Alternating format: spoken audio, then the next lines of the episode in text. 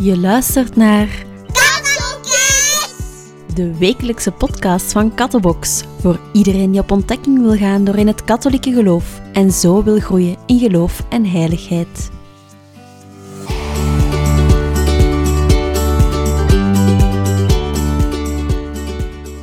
Hallo allemaal, welkom bij deze aflevering van Kattelkids. Ik ben Kim en vandaag gaan we een kijkje nemen in het leven van de heilige familie. We beginnen opnieuw met een gebed. In de naam van de Vader en de Zoon en de Heilige Geest. Amen.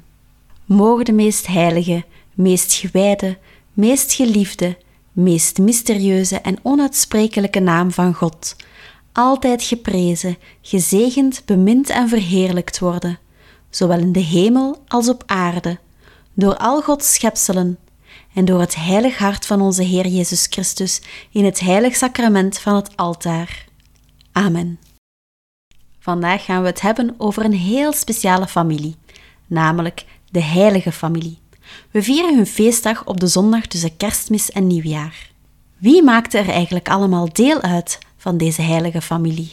Maria, Jozef, Jezus. Jezus, Maria en Jozef, inderdaad. Laten we samen ontdekken wat de heilige familie zo bijzonder maakt. Eigenlijk begint het verhaal van dit speciale gezin al voor ze met z'n drieën samen waren.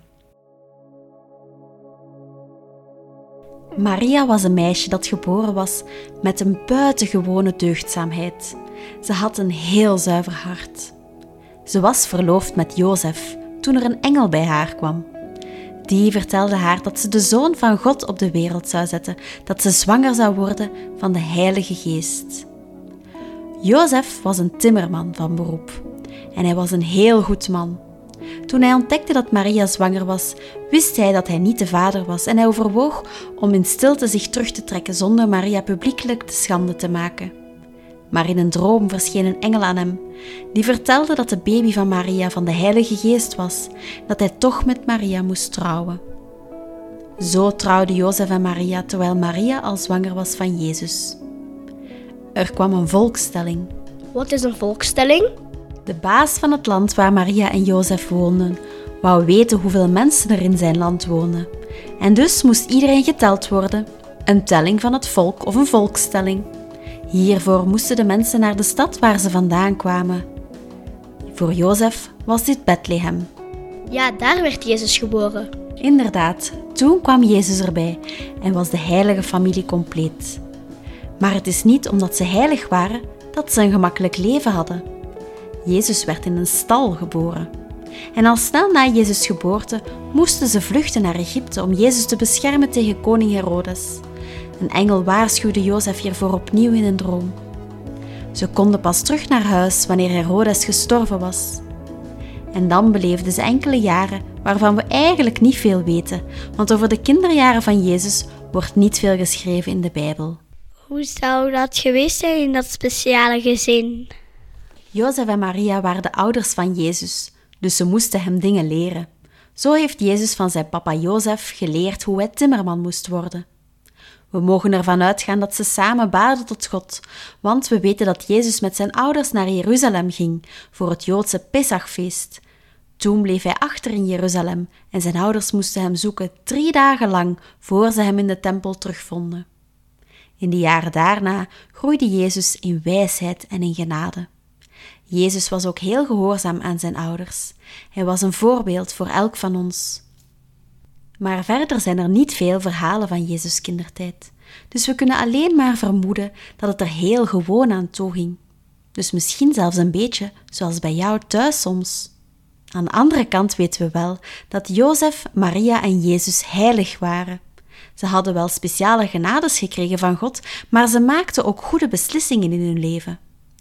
Maria was zonder zonde geboren, maar ze koos er zelf voor om ja te zeggen tegen de engel en de baby van God te dragen.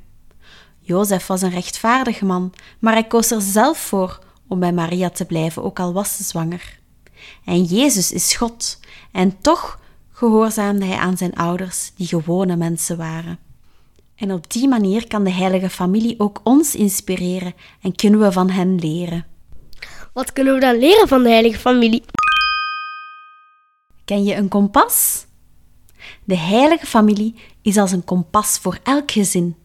Wanneer we niet meer weten welke richting we uit moeten, kunnen we kijken naar hun voorbeeld en dan wijzen zij ons de weg. De weg naar een leven vol betekenis en verbondenheid. De weg naar God. Een gezin is zo belangrijk dat God er eentje gebruikte om zijn zoon in te laten opgroeien. Een liefdevolle omgeving waarin je dingen kan leren, is voor ons allemaal heel belangrijk. Zo herinnert de Heilige Familie ons eraan dat het goed is om tijd door te brengen met ons gezin, om elkaar te steunen en lief te hebben. De Heilige Familie is ook een voorbeeld voor elk van ons. We kunnen tot elk van hen bidden om ons te inspireren. Ze maakten allemaal moeilijke beslissingen in hun leven, waarbij ze kozen om God te gehoorzamen. Ook wij worden opgeroepen om goede keuzes te maken, om dicht bij God te blijven. Hierbij zijn Jezus, Maria en Jozef onze voorbeelden. Maria onze moeder, Jozef onze vader en Jezus onze broeder. Laten we dus zeker het gebed van de heilige familie vragen, voor onszelf, voor ons gezin en voor onze families.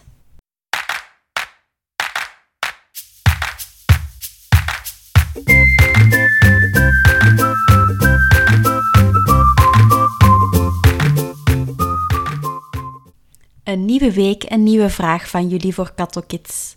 Deze week komt de vraag van Esther. Hoe kan ik weten wat Jezus' stem is?